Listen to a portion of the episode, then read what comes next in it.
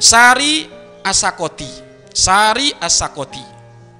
Beliau termasuk adalah paman dari Imam Junaid Al-Baghdadi. Siapa yang nggak kenal Imam Junaid Al-Baghdadi? Orang besar, seorang wali. Pamannya juga seorang wali namanya Sari Asakoti.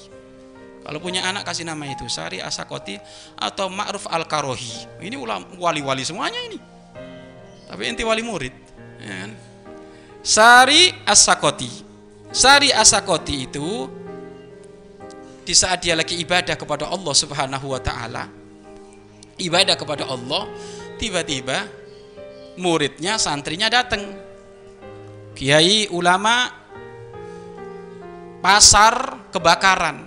Semuanya toko ludes kecuali tokomu wahai ulama. Kecuali tokomu wahai kiai. Maka kiai tadi itu Sari Asakoti spontan beliau berkata alhamdulillah Spontan berkata alhamdulillah, alhamdulillah. Lah di saat dia berbicara alhamdulillah kayak gitu, tiba-tiba dikasih hal waridat oleh Allah apa? Loh, inti kok ngomong alhamdulillah? Berarti inti senang dengan semuanya kebakar, kecuali milikmu saja nggak kebakar. Berarti kamu nggak sedih.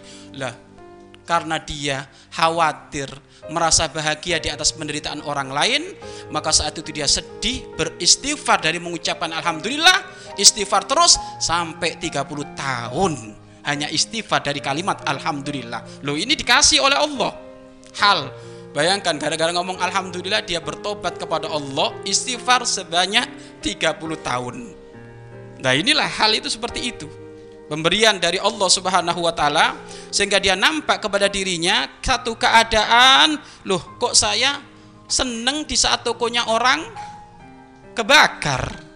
Loh saya saya seneng kok di saat orang sed, sedih. Nggak benar ucapan alhamdulillahku ini. Maka dia banyak-banyak istighfar kepada Allah selama 30 tahun